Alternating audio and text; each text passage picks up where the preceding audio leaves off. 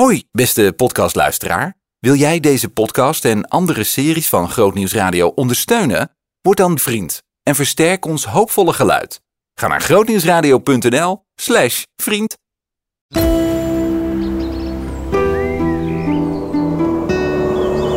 Groot nieuws uit de natuur. Het is klein en het springt. Het lijkt een raadsel en dat is het ook wel. En we gaan op zoek naar dat ene beestje. Samen met spinnenkenner en liefhebber David Sies.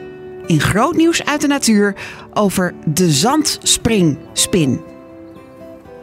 Nou ja, allereerst de vraag, zie jij hem zitten?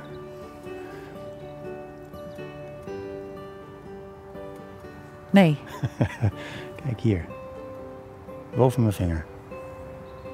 Dat dingetje? Kijk. Nee joh. Wat is dat voor... Ja. Een, een rond, helemaal rond hè? Een klein bolletje. Nu moet ik zelf ook weer even zoeken waar die heen is gesprongen. Dat is natuurlijk ook de hele clue van het beestje. Dat hij opgaat in de omgeving. Nee. Echt, we zitten er letterlijk met ons Ja, eer hier. daar, met ons neus bovenop. En hij springt weg. Een heel klein bolletje, speldenprikje is het. Hier zie je hem. ja. En vaak... Ja, nu is hij weer weg. Wat is het? Eh, dit is de zandspringspin. Echt een, een millimeter bolletje. Hele felle bolletjes. Ah, ze hebben prachtige grote ogen. Hij gaat behoorlijk op in het zand, dus we zijn hem nu ook alweer kwijt. We zijn- We zijn hem nu ook alweer kwijt. Meestal doe ik hem meteen, als ik hem wil fotograferen, doe ik hem in een buisje. En dan verplaats ik hem naar een stuk kaal zand waar je hem onmiddellijk ziet. Maar je, je ziet het, eh, omdat de, de, de Gaat op in- ja, ook, eh, die donkere aarde. is, zeg maar. Donker en licht. En je ziet dat hij eigenlijk compleet is verdwenen. En, eh, En wat is het voor een spin? het is een springspin. Nou ja, je zag het al, hè, waarom die springspin werd genoemd. Ze kunnen enorm goed springen. Ze zijn enorm snel ook. Ehm, ja, en het is een hele familie. Een stuk of, ik geloof ook dat de, de grootste familie ter wereld is, de springspinnen. is van 5000 soorten. Eh, en in Nederland leven er zo'n 50 soorten springspinnen. Van ehm, nou ja, anderhalve centimeter, 2 centimeter groot. Dus de, de grootste is best wel fors. Die zie je veel om huis ook. Eh, tot dit soort ja, kleintjes die je eigenlijk bijna nooit ziet. En je snapt waarom. En, en er zijn dus heel veel verschillende soorten eh, binnen die familie. Heb jij dan in de gauwigheid kunnen zien welke soort dit dan is? Ja, het is de zandspringspin. Dus dat, dat komt natuurlijk omdat hij, hij is grijs, hij is klein. Hij Zit in het zand. Het zit in het zand. Je hebt er nog één, die had ik eh, op het Hulshorster Zand eh, deze week. Dat is de kustspringspin. Ja, je, je zou het niet zeggen hier midden in het land. Nee, ja. Eh, maar die leeft dus ook... Stijgende zeespiegel misschien. Ja, maar het is ook op het zand. Dus het is eigenlijk net zoals de duinen eigenlijk aan de kust. Dus die, die leeft daar ook. Eh, eigenlijk ook een, ook een spin die bijna exact opgaat in de, tegen de achtergrond van, eh, van het zand. Hey, en het gaat de laatste tijd in het nieuws veel over biodiversiteit. En bijen worden daar met name in genoemd, die daar zo belangrijk in zijn. Hoe belangrijk is het dat er zoveel verschillende soorten spinnen zijn? Nou ja, dat zegt natuurlijk ook wat over, eh, eh, over de prooidieren. Eh, er zijn heel wat spinnen die heel specifieke prooien eigenlijk eh, eh, hebben. Zoals? Ehm, nou ja, je ziet natuurlijk dat, dat hier bijvoorbeeld als je een grondsoort hebt, die zal voornamelijk ja, van de bodemdieren zeg maar leven. De webdieren die leven vooral van, eh, van vliegende insecten. Ehm, je hebt er die, eh, die heel specifiek, ja, je hebt ook heel veel spinnendoders. Hè? Bijvoorbeeld weer wespen die op spinnen zitten. Ehm, en die allemaal specifieke spinnen eigenlijk nou ja, pakken en daar een eitje op leggen. Die zie je hier regelmatig ook eh, rondzweven.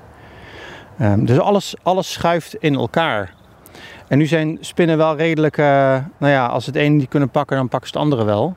Ehm, de spinnen zitten niet heel erg vast aan één specifieke prooi. Misschien zijn er wel wat spinnen die dat wel wat meer hebben.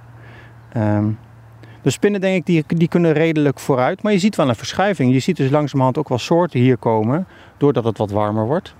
Eh, De afgelopen najaar was natuurlijk die valse wolfspin enorm in het nieuws. Ehm, ja, die, die overleeft nu ook veel makkelijker hier. Die blijft hier ook. En zo zie je eigenlijk steeds meer soorten vanuit het zuiden.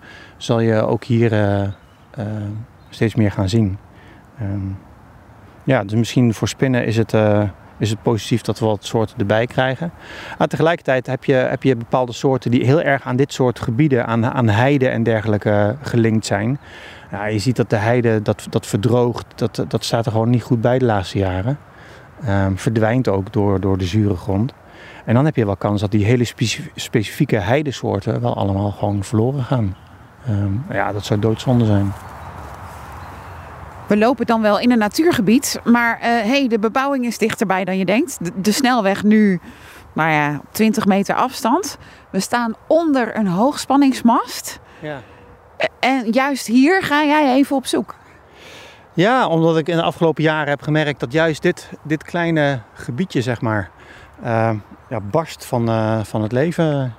Uh, misschien ook wel omdat het een onaantrekkelijke hoek is om heel veel te wandelen. En daardoor de natuur wat met rust wordt gelaten. Dat zou kunnen. Het is ook een, een van de weinige echte heidegebieden hier. Eigenlijk een klein heideveld. De rest is vooral heel veel zand wat je tegenkomt. En struiken en dergelijke. Dus heel wat specifieke leefomstandigheden zeg maar, voor wat soorten die, uh, ja, die wel leuk zijn om te vinden. En dan juist bij deze palen ook ga je kijken?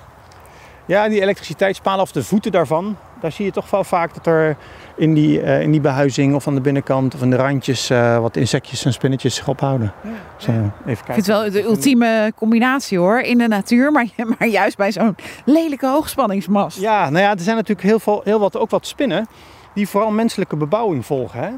Dus die graag op en rond, rond bebouwing zetten. Zoals?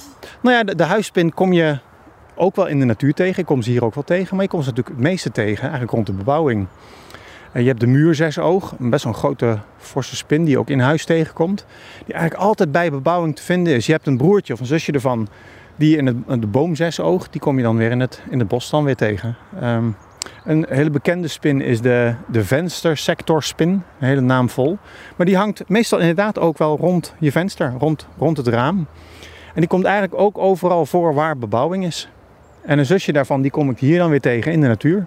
En die heet de plantvensterspin of zoiets dergelijks. Uh, nee, dat is volgens mij de, de, de boomsectorspin is dat, uh, ja. Dat klinkt logischer. Ja, ja. Je hoorde groot nieuws uit de natuur over de zandspringspin. Zien in nog een podcast? Luister naar Verhalen van Hoop via grootnieuwsradio.nl slash podcast.